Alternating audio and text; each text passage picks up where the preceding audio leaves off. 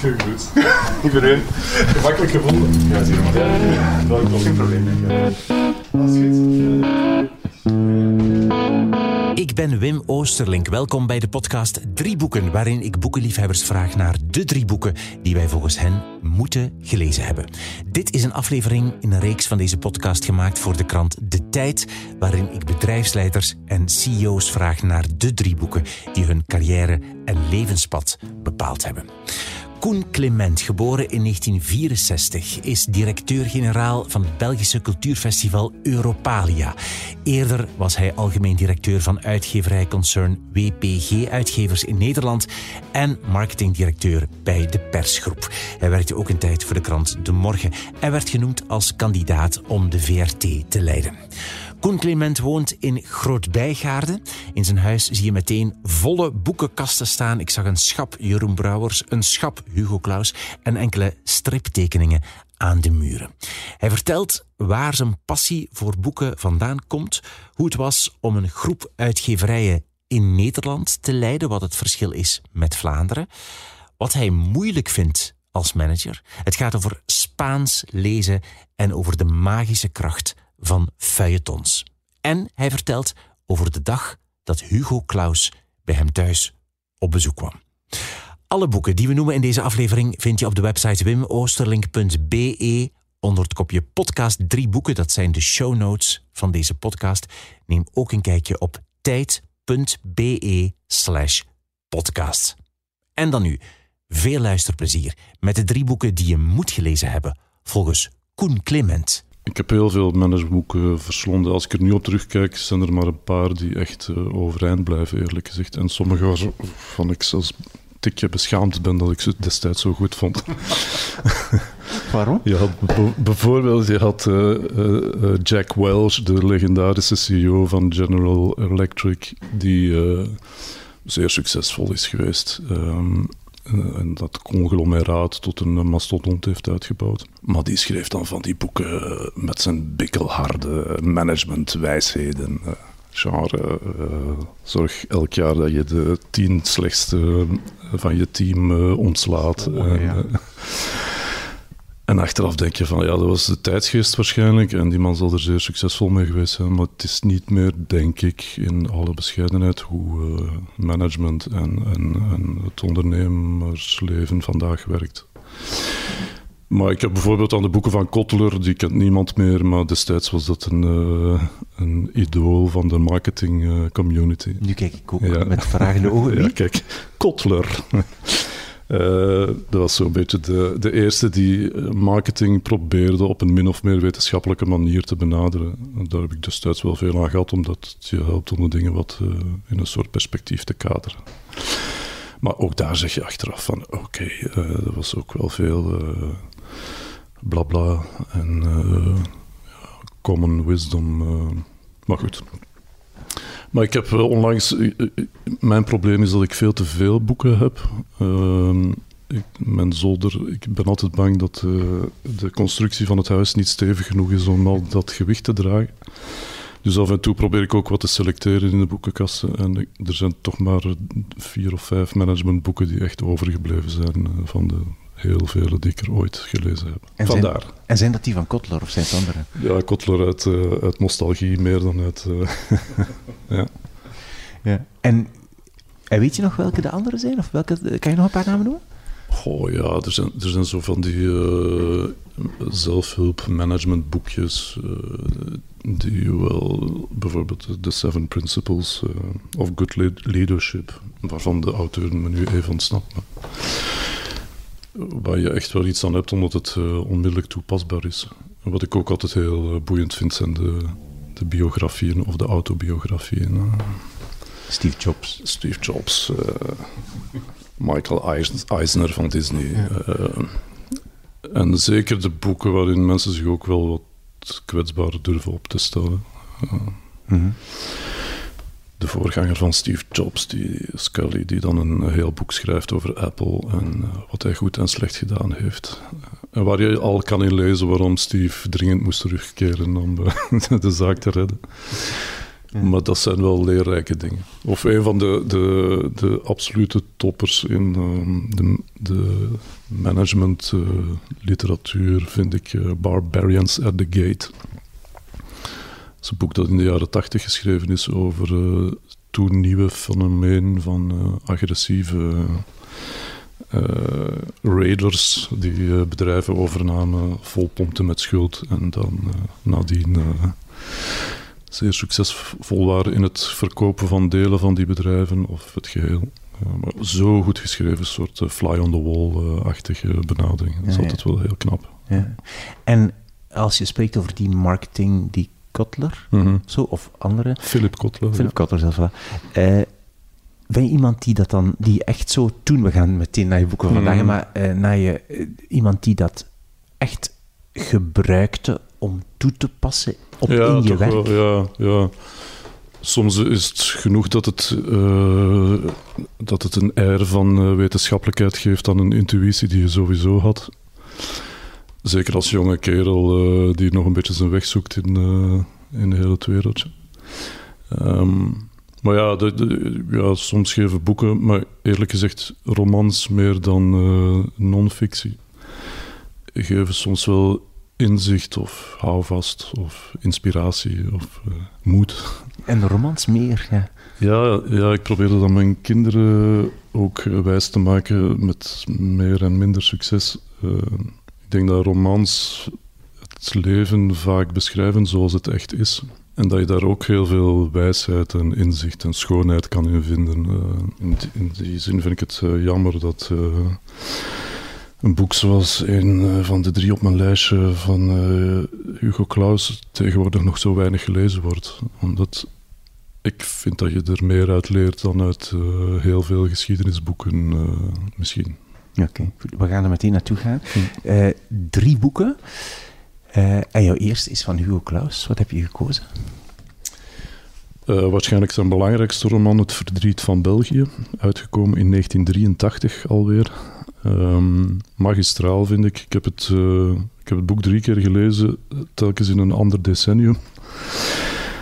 En dat vind ik ook heel opmerkelijk hoe je al ouder wordende misschien toch anders gaat lezen en dingen anders gaat bekijken.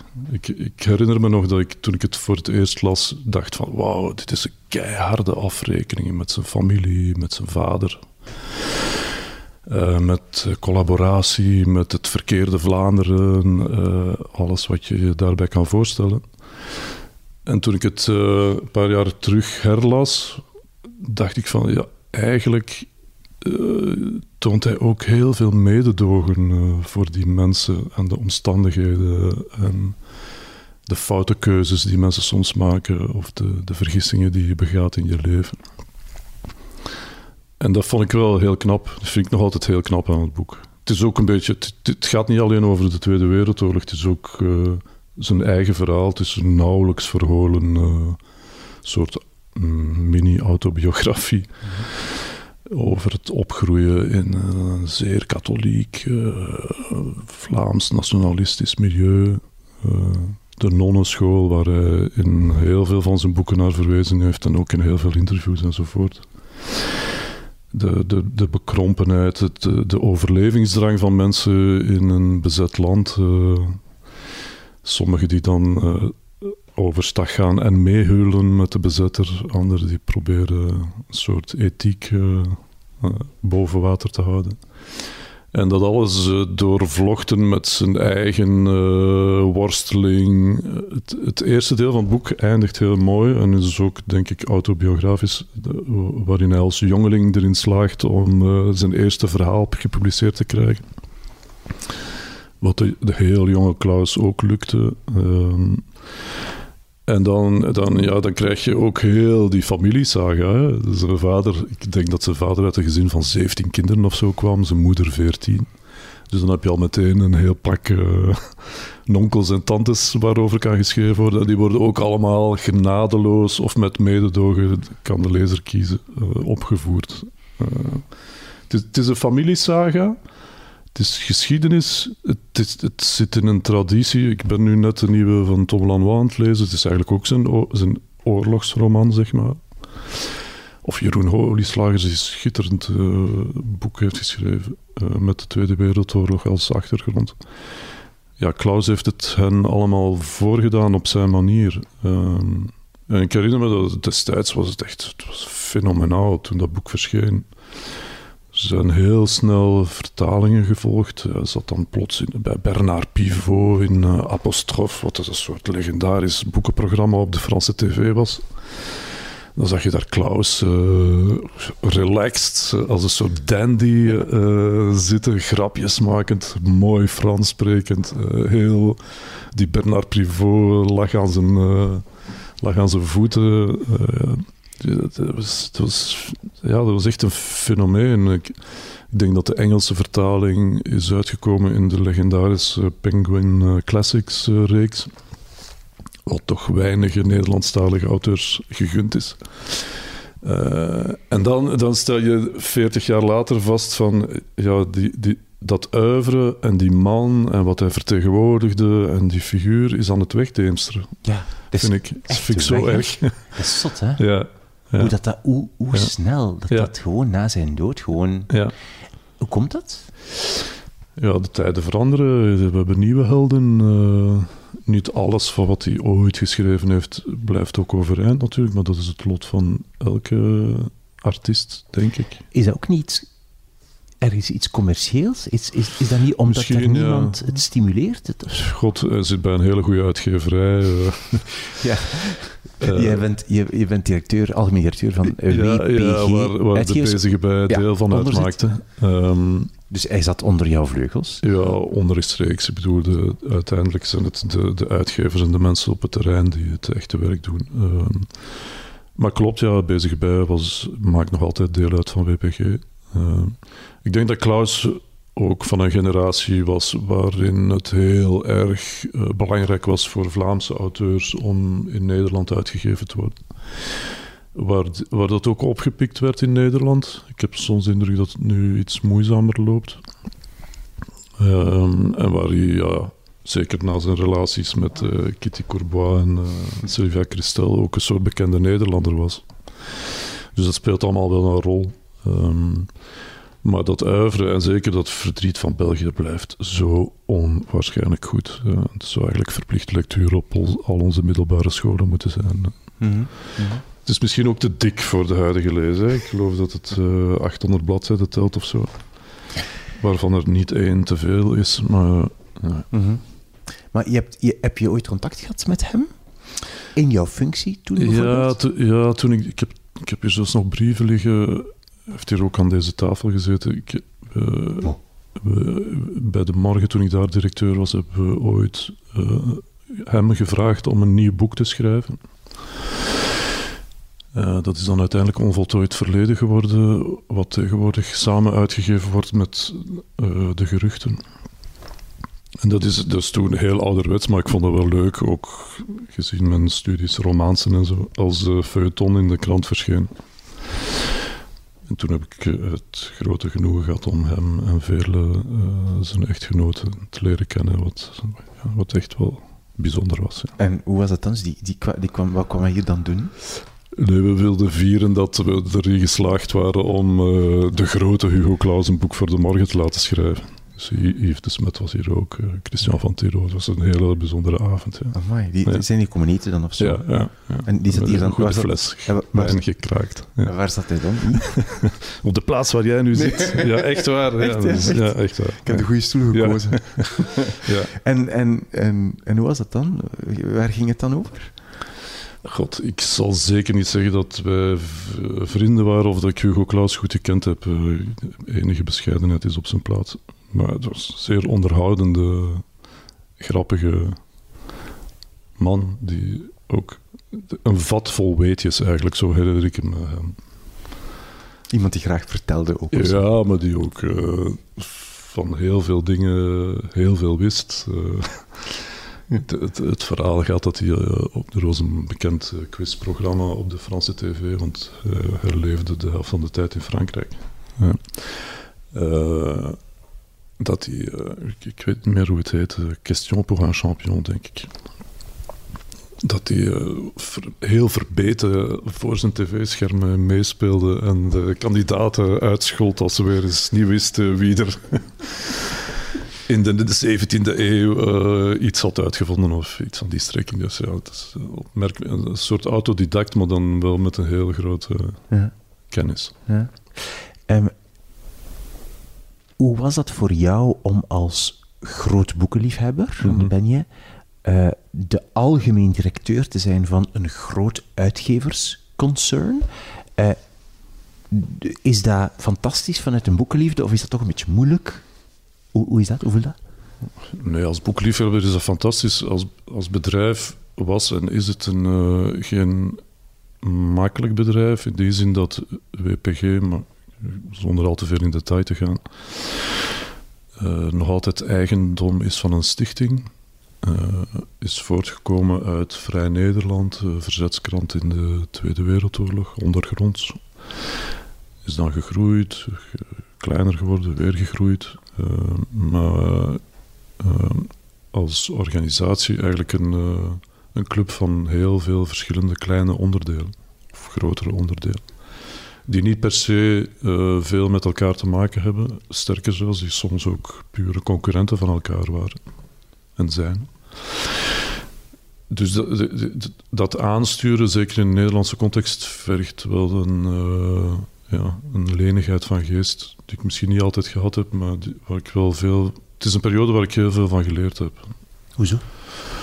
Ja, weet je, negen jaar eh, aan het hoofd van zo'n bedrijf staan, eh, met alle fijne en ook moeilijke momenten, ja, dat, dat, dat draag je wel mee.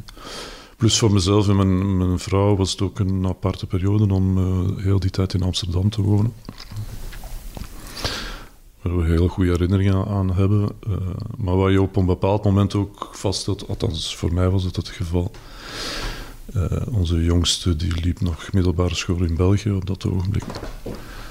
Dat je eh, toch dreigt in, het, in een soort parallel universum eh, terecht te komen. We, we kwamen vaak in het weekend terug naar België, maar dan zagen we de kinderen mm, minder. Of, eh, dus op een bepaald moment was het ook klaar en hebben we gezegd: Oké, nu fijne periode. Heel veel opgestoken. maar tijd om terug naar de thuisbasis te keren.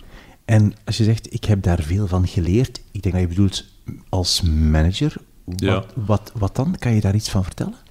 Eh, ja, eh, waar zal ik, ik, ik- Ten eerste het verschil tussen de, onze Vlaamse achtergrond en de Nederlandse. Er bestaan heel veel clichés over, maar sommige clichés kloppen soms ook gewoon. Ik vond altijd dat je in Nederland heeft iedereen een mening over alles, tot en met eh, de mevrouw die eh, aan de receptie zit beneden. Eh, wat goed is, maar wat het proces soms wat moeizaam maakt. Ehm, aan de andere kant vond ik wel dat wij hebben vaak de neiging om ja te zeggen en nee te doen. Ehm, in de zin van, ik, las onlangs nog, ik denk in, in dat nieuwe boek van Tom Lanois, dat eh, de Vlaming eh, zijn mening pas echt geeft eh, als de vergadering is afgelopen of in één op één gesprekjes.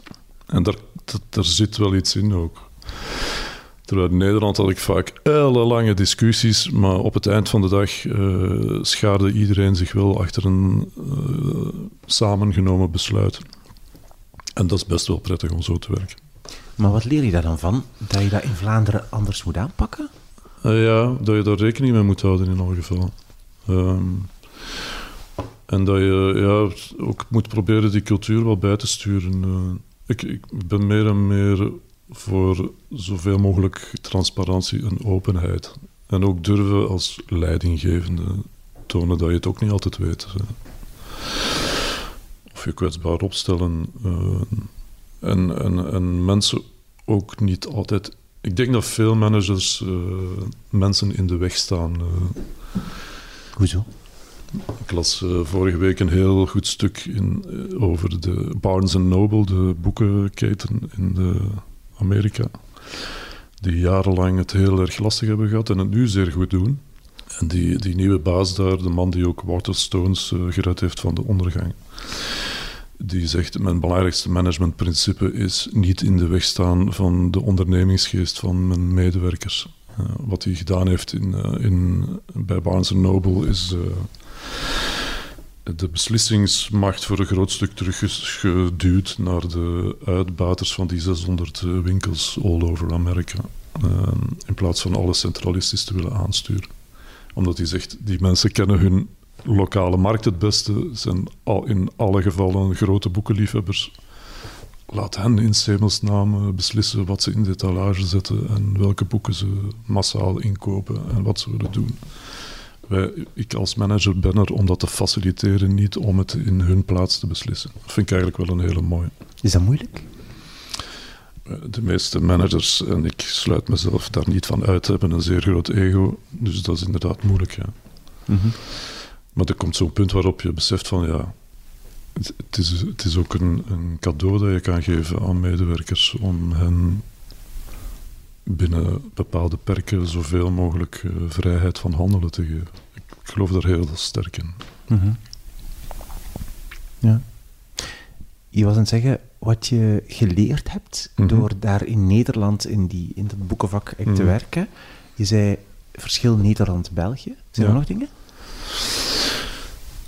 Uh, ja, wat, waar ik het soms heel lastig mee had en wellicht nog heb, is uh, emotie en ratio scheiden. Ik, ik, ik heb altijd in media gewerkt, in uitgeverijen enzovoort. Ik, de, de grootste uitdaging vind ik nog altijd tot op de dag van vandaag hoe je discipline aan de ene kant en creativiteit aan de andere kant met elkaar uh, verzoent.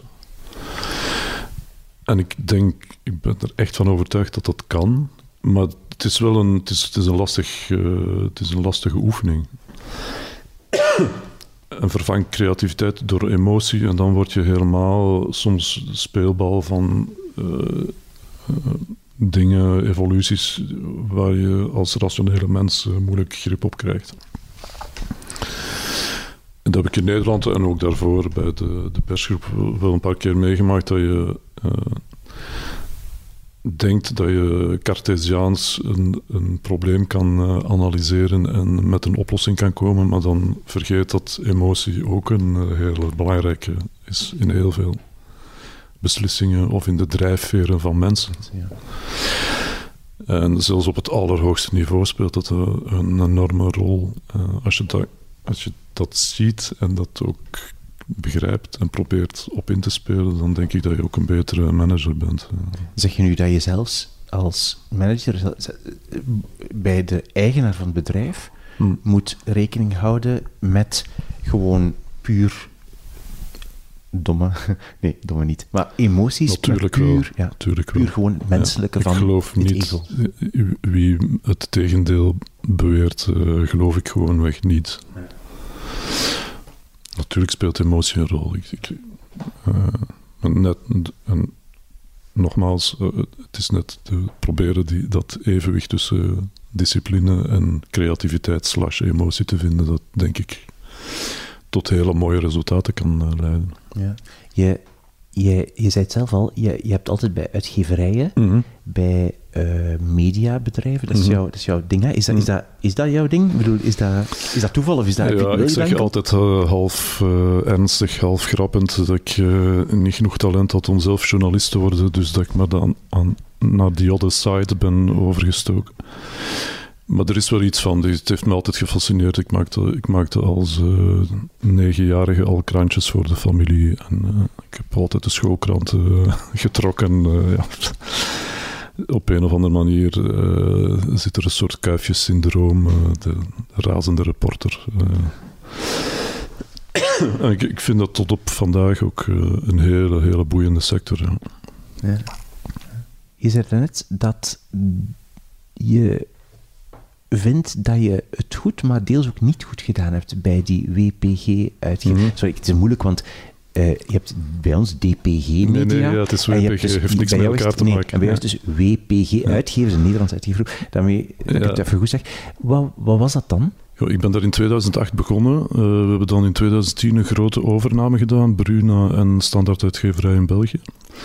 Dat was een grote hap en dat kwam bovenop uh, op dat moment, uh, we zullen het er straks misschien ook nog over hebben, de, de grote financiële crisis die we nu met alle ellende in de wereld en corona alweer een beetje vergeten zijn. Maar ik herinner me dat, dat in 2009, 2010 zelfs gehaaide financiële mensen zoiets hadden van oh my god, wat is hier aan het gebeuren? Als een bank als Lehman Brothers kan omvallen, eh, dan hebben we het einde nog niet gezien. Heel veel ellende, ook gewoon voor de, voor gewone mensen, niet alleen de rich and famous. Um, en wij kwamen met uitgeverij wel in moeilijk vaarwater terecht, omdat we redelijk kwetsbaar waren op consumentenmarkten. Uh, plots gingen mensen veel minder boeken kopen. Um, onze kostenbasis lag, was eigenlijk te hoog. In de, in de succesvolle jaren voordien uh, was er wat te veel vet op, uh, op de zaak gekomen. Dus we zijn toen uh, na, die, na die overname vrij snel van euforie in de crisismodus terechtgekomen. heel fors moeten herstructureren. En dat, ja, dat, dat moet je doen. En ik denk dat we dat ook goed gedaan hebben. En dat het bedrijf het nu, als het bedrijf het nu weer goed stelt, dat het ook deels niet mijn verdienste, maar van heel die club toen uh, was. Maar dat zijn wel, uh, dat zijn wel pittige dingen. Uh, en vooral omdat toen, ik, toen ik naar Amsterdam verhuisde, was dat niet precies wat ik in gedachten had. Ja, mensen moeten ontslaan, uh, afslanken, onderdelen verkopen enzovoort. Je dacht, ik ga aan tafel zitten met Hugo Claus. Ik ga met Hugo Claus een uh, goede babbel kunnen voeren. Nee, nee. Uh, dus ja, dus, maar dan, dan ook wel weer inderdaad veel geleerd daarvan. Dat je soms hard moet snijden om daarna ja, een goede toekomst te bieden aan mensen die verbonden zijn aan, aan die onderneming. Ja. Je bent nu toch nog altijd uh, lid, of, lid van de raad van bestuur van Standaard Uitgeverij, klopt dat? Ja, ja. ik ben uh, voorzitter van de raad van bestuur, ah, ook een van de aandeelhouders. Uh, we hebben eigenlijk met een groepje gekken het eh, bedrijf teruggekocht van WPG. toen mijn, ja, de wereld is klein, toen mijn opvolger beslist had dat WPG zich voortaan uh, exclusief op Nederland zou richten en dus de Belgische of de Vlaamse markt uh, niet meer zou willen bespelen. En nou ja, dat is, dat is natuurlijk fantastisch om dat te kunnen doen. Je, je hebt dat bedrijf gekocht, zelf deels gekocht. Ja, je hebt, ja, je hebt, ja. Jij bent daar dus aandeelhouder van? Ja, aandeelhoudertje. Ja. Hoeveel procent? ja, dat is voor een andere podcast. Oké, okay, goed. Uh, we komen van jouw eerste boek. Het verdriet van België, van Hugo Claus, die hier ook achter mij in de boekenkast staat trouwens. Een volledig, uh, een schap, volledige schap, ja, Hugo Claus. Ja. Mooie inschap. Ja. Ja. ja. er mag niks bij komen, want er is geen plaats meer. Uh. Nee, maar gelukkig gaat hij ook niet veel misschrijven. Dus uh, ze gaan misschien wel dingen ik, vinden. Ik zit met smart te wachten op de biografie die Mark Schavers al jaren voorbereidt geen makkelijke opdracht, want Hugo Claus was de, de meester van de mystificatie en de uh, grappige leugen. Maar ja, ik hoop dat dat boek er ooit komt. Dat ga ik met zeer grote genoegen en interesse ja, lezen. Dat moet dan wel ergens anders staan. Ja. Nee, dat, dat, lossen we dan wel op. Daar vinden we dan wel een oplossing voor. Oké, okay, jouw eerste boek, Het Verdriet van België, van Hugo Claus. Wat is jouw tweede boek? Ik heb een boek van een Spaanse auteur gekozen, Almudena Grandes. Um, het ijzige hart, El Corazon Helado. Oh, wacht eens, dat ligt hier in het Spaans of wat? Ja, maar ik moet eerlijk zeggen dat ik het in het Nederlands gelezen heb, maar de, ik heb het weggegeven. En mijn vrouw heeft het in het Spaans gelezen, dus ik heb beter Spaans dan ik. 1233 ja. bladzijden in het Spaans. Ja. En uw vrouw heeft dat gelezen? Ja, ja, ja. Dat is, is, is, perfect uh, tweetalig. Je luistert naar de podcast Drie Boeken met Koen Clement. Zometeen het vervolg. Almudena Grandes is helaas uh, niet zo lang geleden overleden. Uh, heeft daar heel pakkend ook over haar ziekte geschreven uh, in, in, haar column in El País. Maar zij is de grande dame van de Spaanse literatuur na de Franco-dictatuur, zeg maar. Begonnen in de jaren tachtig met een erotische roman. Maar dan heeft ze zich echt geprofileerd als de, in mijn ogen althans, als de auteur van de twee Spanjes, zeg maar. Het Spanje van Franco en het, het democratische Spanje. Ehm, en het IJzige Hart is een soort voorloper van een, een cyclus die ze daarna geschreven heeft, zeven boeken, uh, over, ze noemen het zelf, episodes van een nooit eindigende oorlog. Waar heel vaak verwezen wordt of verteld wordt over de burgeroorlog in Spanje, die tussen 36 en 39 ja, verschrikkelijk geweest is. En waar Franco uiteindelijk de, de republikeinse, eh, democratisch verkozen regering verpletterd heeft en, en zijn eigen dictatuur heeft geïnstalleerd, die tot in de jaren zeventig eh, stand heeft gehouden. Maar dat, die twee Spanjes, die tot op vandaag, want ik, ik durf zeggen dat ik Spanje vrij goed ken, omdat we er al jaren uh, heel vaak naartoe gaan. Uh, tot op vandaag heeft dat die samenleving nog ten dele in, in de klauw. We, we, hebben een huisje in het zuiden. Als we met buren spreken, dan moeten we altijd opletten. We weten intussen, deze buren hebben familie die langs de republikeinse kant heeft gevochten in de oorlog en die daar nog altijd de trauma's van dragen. En de andere familie heeft heimwee naar Franco, letterlijk.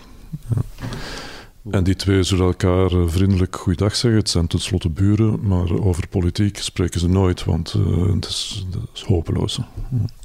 En dat, dat, dat, die Spanjes brengt zij in een geromantiseerde vorm. Prachtig, uh, spannend, meeslepend, familiegeschiedenissen. Uh, geschiedenis toekoer. Uh, ze, ze, heeft in haar leven heel veel onderzoek ook gedaan, met overlevenden gepraat. En al die verhalen op een vrij, soms complexe, intelligente manier verweven tot een soort saga die zich in dit boek en in de zeven boeken van die episodios de, de una guerra interminable ja, ontspinnen tussen uh, de jaren dertig en, en vandaag, zeg maar. En altijd via verhalen die zich in families, gezinnen afgespeeld hebben. Ja.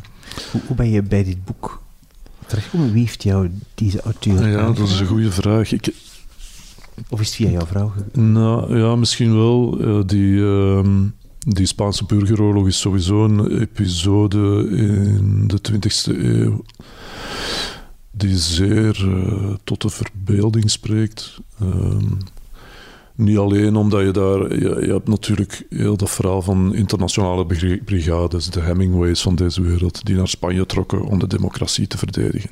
En in zijn geval om veel te drinken en uh, vrouwen te versieren. Maar wat, wat, wat prachtige literatuur heeft opgeleverd. Maar het is ook zo, het is uiteindelijk nog zeer nabij en toch zo onvoorstelbaar. Ik, ik moet er vaak aan denken als je ziet wat zich nu in Oekraïne afspeelt. Hoe een, maatschappij, en in het geval van Spanje al sinds het begin van de 20e eeuw, bijna onafwendbaar afstevend op een, uh, op een catastrofe. En hoe zo'n catastrofe zelfs de beste vrienden, de beste uh, gezinnen uh, uit elkaar speelt en tot vijanden maakt. Dat heeft, dat heeft zo'n impact gehad op, op die mensen. En, en zij beschrijft dat zo aangrijpend. En, ik, vind echt, ik, ik vind echt schitterende literatuur. Ja. Je zei dat je, je vrouw het in het Spaans... Je, je kan dus ook Spaans, maar niet zo goed... Nee, ja, we, hebben allebei, we hebben elkaar leren kennen in Romaanse. Uh, toen heette dat nog Romaanse filologie. Ik heb dan daarna economie gestudeerd. Maar ik had Italiaans gekozen als tweede taal. Je moest naast Frans een tweede Romaanse taal kiezen. En Annick heeft uh, Spaans gekozen en heeft dan nadien ook nog in Madrid gestudeerd. Uh, dus zij spreekt echt vloeiend Spaans, wat handig is als je daar vaak bent. Maar ik, ik, heb gaandeweg, ik kan me, ik kan me behelpen. Ik, kan, ik, probeer één boek in het Spaans per jaar te lezen om het een beetje te onderhouden. Ja, maar, uh, maar Grandes is een beetje complex, omdat ze, het is het soort boek waarbij, uh, waarbij achteraan uh, stambomen staan van de, de, de personages. Ja. Uh, in de, in de Nederlandse editie hebben ze het zelf op een apart kaartje afgedrukt, zodanig dat je het in alle tijden kan checken. Ja, over wie gaat het hier eigenlijk? Ja, dat kan je als bladwijzer gebruiken en de hele tijd kijken van, wacht, wie is dit, wie ook is alweer? dit nu ook alweer? Vooral in Spanje hebben ze dan vaak nog dezelfde achternamen, dus dan wordt het helemaal Ik vind dat een beetje moeilijk altijd, Ja, eerlijk gezegd. ik begrijp het, ja. Maar eens je in het verhaal bent, uh, is het zo meeslepend dat je dat, dat, je dat uh, met plezier op de koop toeneemt. En heb je dan de andere, de andere delen ook gelezen, of niet? Uh, ja, Wim, ik moet, ik moet het bekennen. Uh, hè? Je hebt ze allemaal gelezen? Ja, ik heb ze allemaal gelezen. Wat komt? Maar kijk, ik, pro, ik uh, probeer... ja, ik, ik probeer el, elk vrij moment te lezen eigenlijk. Ja. En lees je het fysieke boek altijd? Ja, ik heb een tijdje e-books gelezen, maar ik moet zeggen dat ik nu toch weer meer papier prettiger vind op een of andere manier. Ah, ja. Ja. Okay. Terwijl ik kranten wel digitaal lees. En, ja. en luister je soms uh, naar boeken? Ja, dus, ja maar dat, dat, nu wordt het uh, bijna creepy. Ja. soms zit ik zo in een boek dat, dat ik ook het luisterboek download om in de wagen of terwijl ik aan het hardlopen ben of zo verder te kunnen luisteren. Ja. Om geen moment zonder een boek te moeten Ja, om vooruit te gaan. Oké, okay, maar het is toch niet zo creepy? Dat is toch nee, mooi? oké, okay, ja, ja, het is een beetje gênant, zo, dat, dit soort ontboezemingen. Nee, ja, ik vind het uh, niet goed. Omdat je echt zo het gevoel hebt van, ik wil nu voortlezen en ik moet gaan lopen, ik moet ja, rijden. Voilà. En, en, het stimuleert zelfs om te gaan lopen, want dan weet je van, oké, okay, ik kan... Uh, ja, ik ga weer een paar bladzijden verder. Uh, oké. Um, ik zei al, achter mij staat boek, een, boek, een deel van de boekkast. Daar staat nog een Hmm. mm. grote boekenkast aan de overkant van de, de living. Mm. En er staat ook een soort boekenstandbeeld. Wat is dat eigenlijk? Ja, dat is een, dat is een, uh, een handige staander waarin je boeken kan opstapelen. Het lijkt alsof ze allemaal op elkaar liggen, maar eigenlijk zitten er uh, tussen schotjes in. Ah, ja. Dat is een Duits uh, ding dat ik een keer op internet zag. En, ah, ja. Het is gewoon één, waardoor je eigenlijk één stapel. Ja, één grote stapel boeken, maar ze, het, ze liggen wel stevig uh, ah, okay. verankerd. Ah, en daar in de hoek nog een stapel boeken. Ja, maar de eigenlijke bibliotheek staat op de zolder. Ah ja, oké. Okay. Daar, okay. zijn er heel veel dan. Ja, dat zijn er ook veel strips natuurlijk. Ah ja, oké. Okay. Ja, wel, misschien moeten we naar uh, jouw derde boek gaan, want jouw derde boek is geen boek. Nee, Vertel. het spijt me. Ja, ik, ik dacht, uh, misschien als je dan toch wil weten waar uh, mijn uh, passie vandaan komt, dan, dan, speelt dit ook wel een rol. Hier hangen ook een paar uh, originele tekeningen van Belgische stripauteurs en zo. Dat is ook waarom ik het zo fijn vind om bij standaarduitgeverij betrokken te zijn, om voorzitter van de raad van bestuur van Studio 100 te zijn enzovoort. Die, die, die jeugdliteratuur en, en in dit geval strips, dat is toch iets wat me al sinds heel jonge leeftijd enorm fascineert. Ja, wat heb je gekozen? Ik heb van mijn vader uh, en mijn grootvader een collectie van het weekblad Kuifje geërfd. Uh, dat is een magisch moment in mijn leven. Op een, uh, ik, ik, denk dat ik acht of negen jaar was toen mijn grootvader me meenam naar zijn zolder en zei: Kijk, hier onder deze doeken en in, in, deze dozen ligt de collectie van het Kuifje Weekblad van jouw vader. Wat bleek, mijn uh, vader, 86 intussen, had als kind, hij is geboren in 36, het weekblad Kuifje is gestart in 1946, vlak na de, eerste, de Tweede Wereldoorlog. Was een uh, verwoed lezer van dat tijdschrift en had hij ook allemaal netjes bijgehouden tot het moment waarop hij trouwde, uh, begin jaren 60. Dus ik werd plots uh, als oudste kleinzoon uh, de erfgename van een hele collectie kuifjes weekbladen die ik echt allemaal verslonden heb met een zaklampje onder mijn lakens in bed. nachten, nachten, nachten aan elkaar. Maar wat ik achteraf ook beseft heb van... Eigenlijk is daar voor een stuk ook uh, mijn liefde voor het Frans gegroeid en uh, ook de, de passie voor de technische kant van zo'n tijdschrift. Hoe maak je een tijdschrift? Ja. hoe betrek je lezers bij je tijdschrift? Hoe zorg je dat het elke week weer spannend is? Dat, uh, zeker toen. Uh, dat je mensen doet, of jonge lezers doet uitkijken naar wat zal er volgende week weer gebeuren. Hoe die interactie ook loopt. Um, dat, dat, vond ik altijd heel fascinerend. Het Frans komt omdat mijn grootvader was nogal een, uh, was een slimme, uh, maar ook soms strenge man. Die op een bepaald moment tegen mijn vader heeft gezegd: Oké, nu stopt het abonnement, tenzij dat je de Franstalige versie neemt. Want dat zou goed zijn voor je Frans. Dus vanaf, weet ik veel, 1951 is het niet meer Kuifje, Kuifjesweekblad, maar Tintin. Ik heb dan overigens de collectie nadien aangevuld tot, want het, het weekblad is gestopt met verschijnen ergens in begin jaren 90. Uh, dus hier op zolder ligt de hele, de hele zwik. Ah, echt, heel, dus je hebt aangevuld, hebt bijgekocht ja, tot, tot ja. dat je het volledig hebt. Okay. En dan zie je dat zo'n hoofdredacteur bijvoorbeeld, dat hij een enorme impact heeft op de kwaliteit van dat blad en ook hoe, hoe die interactie met lezers gebeurt. De, de beste hoofdredacteur die ze ooit gehad hebben was een luikenaar, uh, Greg heette die man. Michel Renier was zijn echte naam. En die eind jaren 60, begin jaren 70 dat blad naar een oplage van 300, 350.000 exemplaren bracht. Maar die ook echt fenomenaal, obsessioneel bezig was met hoe kan ik die lezers hier in dat tijdschrift trekken. Die gaf plots uh, in de Belgische editie zeven bladzijden per week aan lezersbrieven waar je allemaal zelf op antwoordde in een pre-internet tijdperk. Uh, ja, dat leefde, dat bruiste, dat was, elke week gebeurde er iets spannends. Uh, en ik, ik, ik, denk dat ik dat altijd ook ben blijven zoeken in mijn professionele mediaavonturen achteraf. Bovendien is het ook een mooi ondernemersverhaal. Weekblad Kuifje, even korte geschiedenis mm -hmm. van opa spreekt. Hergé, de tekenaar van Kuifje, was al actief sinds 1928. Uh, was behoorlijk fout in de Tweede Wereldoorlog. Ook omdat hij Kuifje is blijven publiceren in uh, de gestolen Le Soir. Wat onder de titel van Le Soir eigenlijk een uh, ja, collaborerende krant was. Waar nogal wat medewerkers na de oorlog behoorlijk wat problemen mee hebben gekregen. Hergé was een van die medewerkers, want die is tot het bittere einde Kuifje blijven publiceren in uh, Le Soir. Maar er was een, er was een man uit het verzet, Raymond Leblanc, een jonge Ardennees, die het idee had opgevat om met een tijdschrift voor jongeren te beginnen na de Tweede Wereldoorlog. En die heeft uh, Hergé eigenlijk behoed voor uh, vervolging uh, via zijn contacten in het verzet.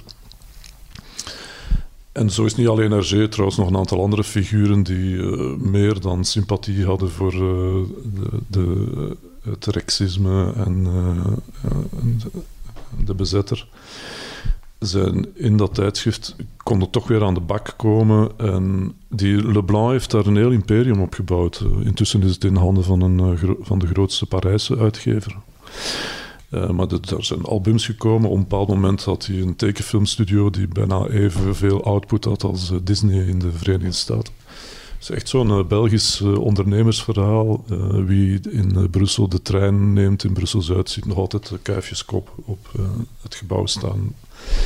En dat, dat, is van de uitgever. Dat is van deze uitgever. Uh, een gebouw dat hij in 58 kon uh, laten inhuldigen door Paul, Paul-Henri Spaak. En wat hij kon zetten met uh, de mega-winsten die hij dankzij Hergé en Kuifje en de strips gemaakt had. Wat is de, de link tussen de stripverhalen Mhm. mm -hmm. van, die we kennen van Kuifje en het weekblad? Want dus in het weekblad staan ook dan avonturen van Kuifje? Of staan die ja. avonturen daar van de stripverhalen dan in dat weekblad? Ja, ja dus de, alle nieuwe verhalen van uh, Kuifje die Hergé maakte, dat zijn er niet zo heel veel. Hij heeft, heeft maar een 25-tal strips in heel zijn leven gemaakt. Die verschenen in voorpublicatie in het tijdschrift. Ah, ja. Dus als je het nieuwe verhaal van Kuifje wilde lezen, dan moest je eigenlijk het tijdschrift. Ah, ja. En daarna maar daarnaast heeft hij een hele generatie van uh, top uh, Belgische auteurs. Op een bepaald moment, ze hadden één Vlaming in dienst, want het was een zeer Franstalige onderneming. Uh, een hele fascinerende figuur trouwens, uh, Karel van Millegem. Mm -hmm. Mocht er een van uw luisteraars zijn die mij op het spoor kunnen zetten van de familie van Millegem, dan ben ik zeer geïnteresseerd, want het is iemand waar weinig over geschreven is, die ook altijd discreet op de achtergrond is gebleven. Maar bijvoorbeeld die kop van Kuifje en Bobby op het gebouw uh, aan het uh, Zuidstation, dat, is een, dat heeft die Karel van Milligem bedacht. En wat is hij? Wie hij was de, de Vlaming van dienst, ja, zeg maar. In het bedrijf, maar, maar als, als, niet als, tekenaar, als nee, manager? als quasi-co-hoofdredacteur.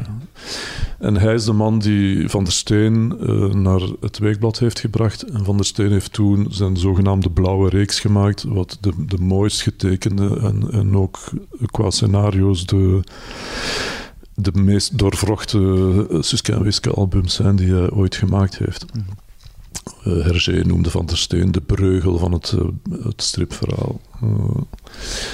En in die zin is het ook wel een soort uh, rare kronkel van de geschiedenis dat ik nu zelf bij Standaard Uitgeverij, die nog altijd de trotse uitgever is van Suske en Wiske, uh, betrokken ben. En waarom wil je... Wil je... Die van Milligem, dat was echt, die, die, dat was echt een, uh, een hele opmerkelijke man. Hij is in een aantal strips van Van der Steen opgevoerd, want het was een vriend van de familie.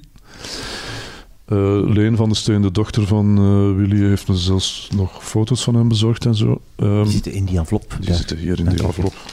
Helaas kunnen uw luisteraars die nee, niet Dus je hebt foto's van, meneer, uh, van die meneer, maar je hebt zijn contact, je hebt geen contact met hem. Nee, contact met hem. nee en er zijn een aantal auteurs die geprobeerd hebben om... Zelfs een trouwfoto van... ja, Alleen. maar het was, dus, het was een heel begaafde fotograaf.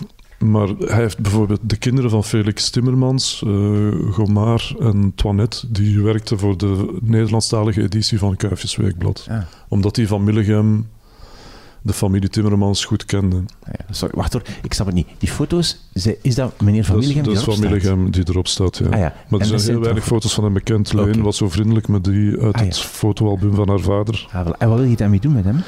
Nou, ik zou ooit graag nog eens een artikel over die man uh, schrijven. Ja.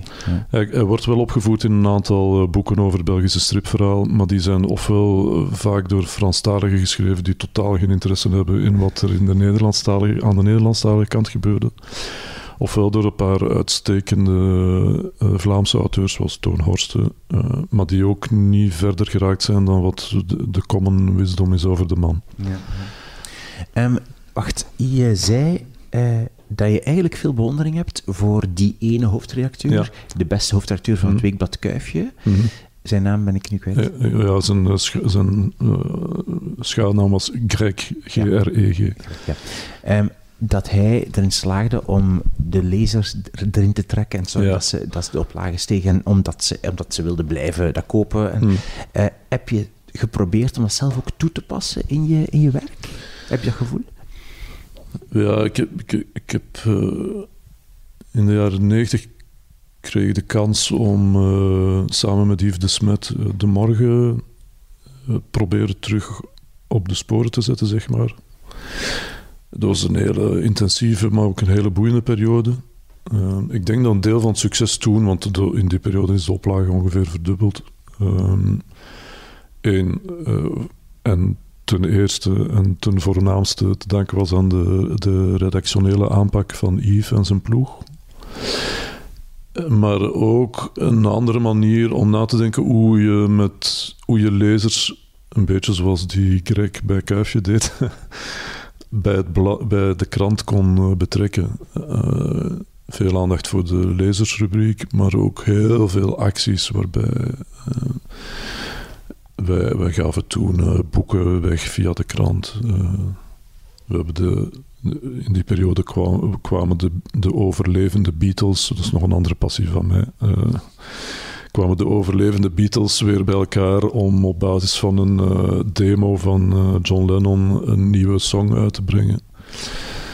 Wij organiseerden dan uh, een actie waarbij je als lezer van de morgen als eerste in de hele wereld die nieuwe song op een cd'tje kon uh, bemachtigen enzovoort. Dus naast de directe interactie die je hebt met lezers en, en, het feit dat je lezers ook via je medium toespreekt, probeerden we daar een heel universum rond te bouwen. En dat heeft toen, in de, in de context van toen, want tegenwoordig uh, zou het op die manier niet meer werken, denk ik. Mhm. Mm -hmm. Dat heeft toen wel heel goed gewerkt. Ja. En dat was allez, voor jou dan zo geïnspireerd, deels door de avonturen van... Ja, ja niet één op één natuurlijk, maar zo het, het gevoel van uh, je, je, kan met een medium meer doen dan gewoon uh, teksten afdrukken en er foto's bij plaatsen. Maar je kan ook proberen deel uit te maken voor een stukje van de leefwereld van het publiek dat je wil bereiken. Ja. En dat kan je door, doen door niet alleen door hele goede kranten te maken in dit geval, maar ook door daar rond door een Hugo Claus te vragen om voor jouw lezers en enkel voor jouw lezers een nieuw boek te schrijven. Mhm. ja.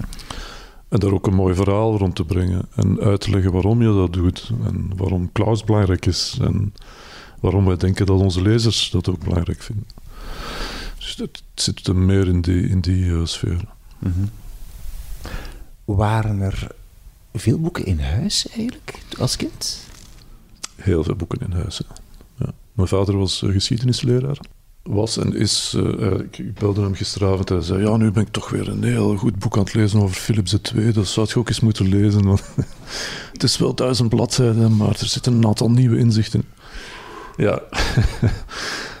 maar hij weet dat ik natuurlijk ook wel gefascineerd ben door die geschiedenis. Maar ja, mijn vader was, stond in het onderwijs, mijn moeder heeft altijd, uh, is altijd thuisgebleven voor de kinderen. We waren met vier thuis. We waren zo ja, het, het, het jaren 60, 70 uh, middenklasse gezin. Uh, nooit iets te kort gehad, maar ook nooit iets te veel gehad. Mm -hmm. Maar voor boeken werden er altijd wel uitzonderingen gemaakt.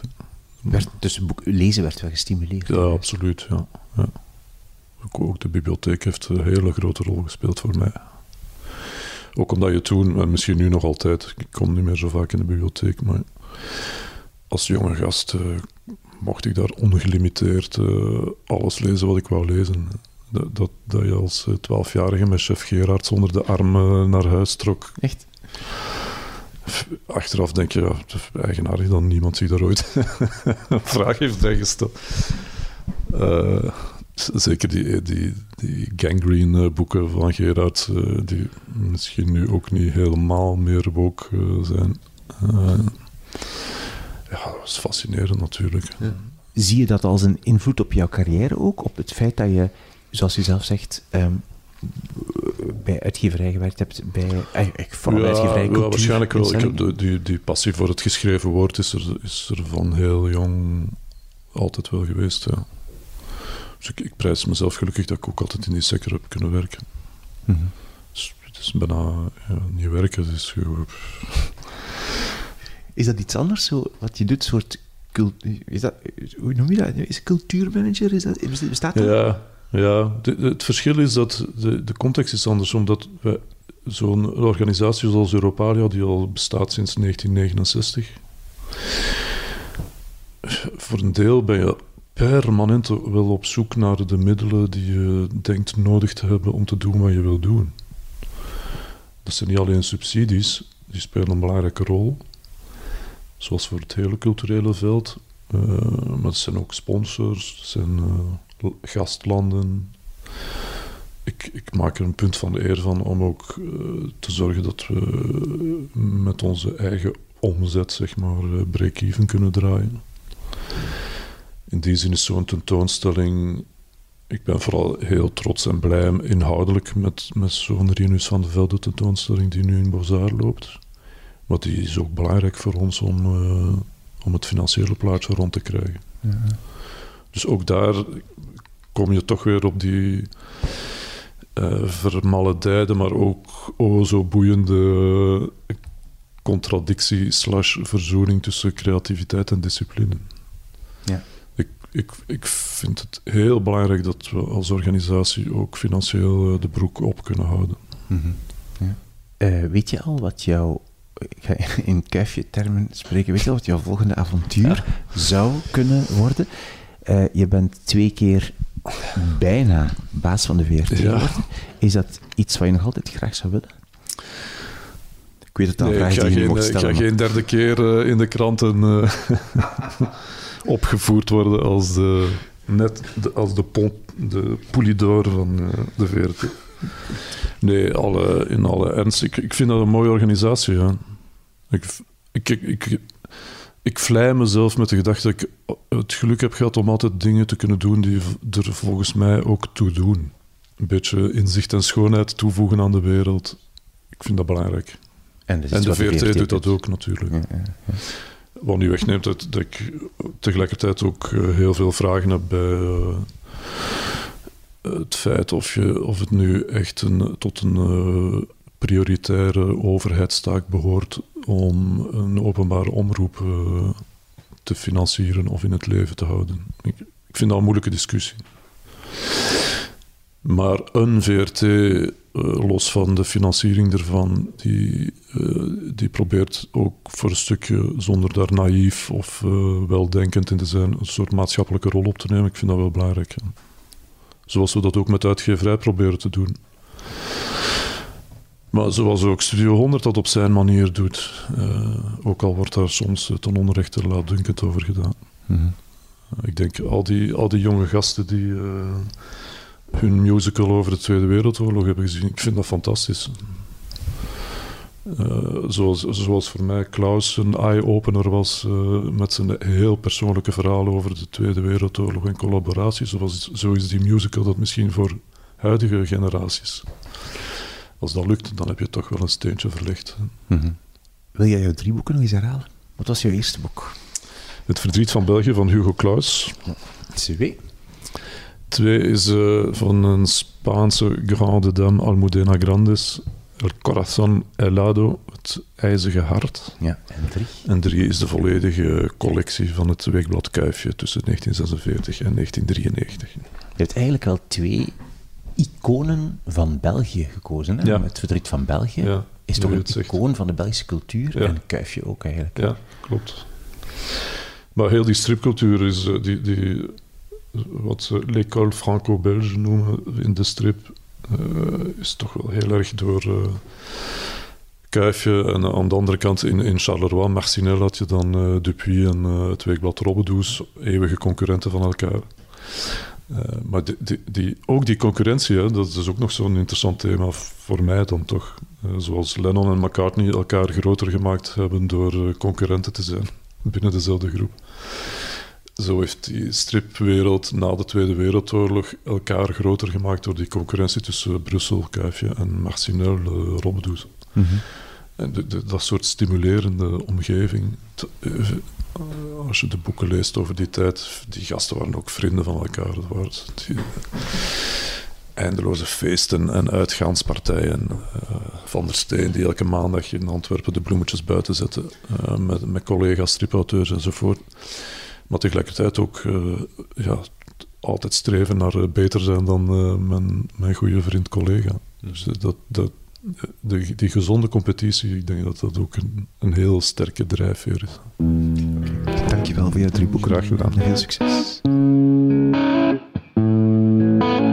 Dit was mijn gesprek met Koen Clement, een speciale editie van deze podcast gemaakt voor de krant De Tijd, waarin ik dus bedrijfsleiders en CEO's vraag naar de drie boeken die hun carrière en levenspad bepaald hebben. Uh, hij toonde mij trouwens nog zijn exemplaar van Onvoltooid Verleden, waarin Hugo Claus geschreven had dat dit boek er zonder hem niet zou geweest zijn. Check de website van De Tijd voor meer podcasts tijd.be slash podcast. En ga naar de website wimoosterlink.be voor de show notes bij deze aflevering en een foto van de boekenkast van Koen Clement. Daar vind je ook alle andere afleveringen van deze podcast terug. Doe mij een plezier en laat vandaag of morgen aan twee bevriende boekenliefhebbers weten dat ze ook eens naar deze podcast moeten luisteren. Zo helpen we samen het boekenvirus verspreiden. Ik ben Wim Oosterlink. Dit is de podcast Drie Boeken. Dankjewel voor het luisteren en tot de volgende keer.